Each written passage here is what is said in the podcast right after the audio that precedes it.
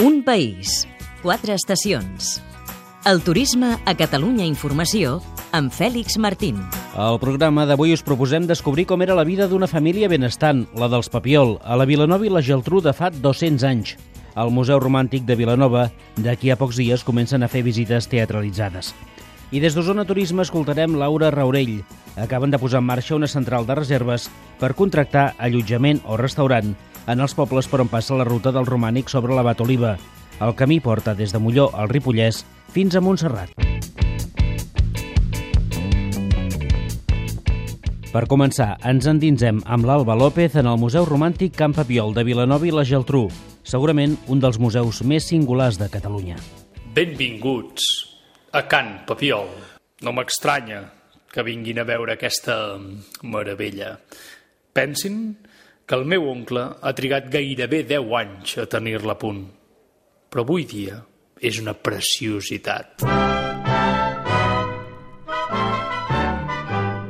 Som a Vilanova i la Geltrú a principis de 1800 i aquesta veu que ens dona la benvinguda és la d'en Benet Rubinat, nebot de Francesc de Papiol i un dels habitants de Camp Papiol, llar d'una de les famílies benestants més importants de la ciutat. Fora els murs de la casa es desplega el segle XIX.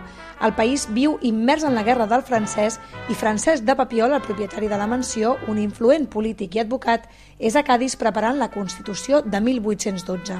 Dins la casa, però, la vida segueix el seu propi camí. De la mà de Benet Rubinat i de cinc personatges més, el visitant podrà fer un viatge en el temps en el que coneixerà el dia a dia de la família Papiol i els seus treballadors, com i on vivien, cuinaven, menjaven, escoltaven música, resaven o com dormien. La Mireia Rossic és la directora del museu. No és un museu amb vitrines i quadres penjats a les parets d'una manera endreçada, sinó que entres, entres a les alcoves, entres al saló de ball, entres als espais tan íntims com els lligadors o els banys, que és una mica com si fessis de voyeur en aquest sentit. Llavors la monitora t'ho explica, però en aquest cas el teatre el que fa és com tenir diferents escenaris on es va desenvolupant la, la petita trama teatral i et permet anar aprenent a partir del diàleg dels personatges.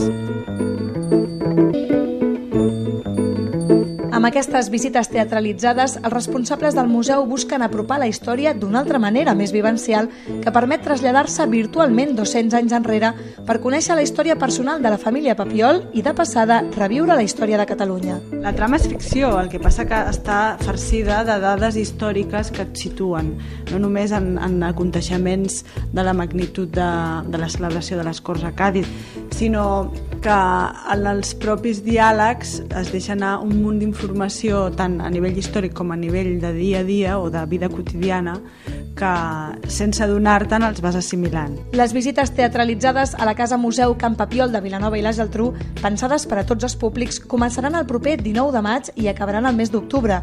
Una oportunitat de fer un salt en el temps i posar-se a la pell dels catalans del segle XIX. De la comarca del Garraf a Osona. El protagonista. Hola, sóc la Laura Raurell, sóc la tècnica de, del Consell Comarcal d'Osona. Osona Turisme és una entitat de promoció turística i eh, acabem de presentar la nova central de reserves del camí Abat Oliva.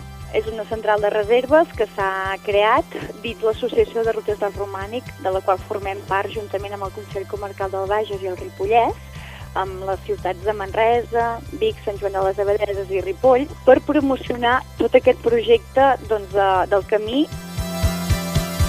comença a Montserrat fins a Molló, a la frontera. Cada etapa està pensada per fer 15 quilòmetres diaris.